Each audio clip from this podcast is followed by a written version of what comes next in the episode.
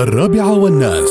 بودكاست. الله يحفظكم ويواليكم الصحة والعافية والبارحة. خبر جميل من آه، آه، في الإحاطة الإعلامية من آه، معالي عبد الرحمن العويس وزير الصحة ووقاية المجتمع.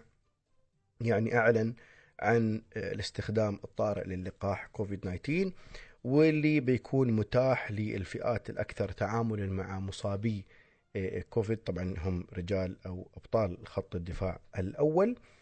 و آه، يعني آه، وأيضا بين معاليه أن هذا اللقاح يتوافق بشكل تام وكامل مع اللوائح والقوانين.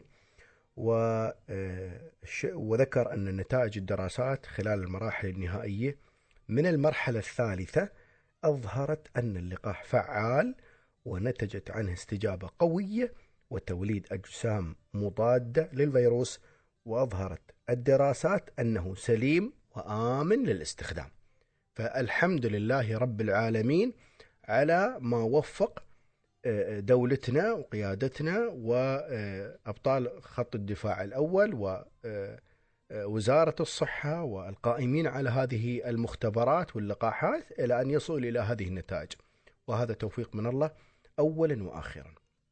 إن شاء الله الله يكتبها دفع بلاء عنا وعن الجميع إن شاء الله وبداية طيبة لانتهاء هذه الأزمة آه، العالمية بإذن الله.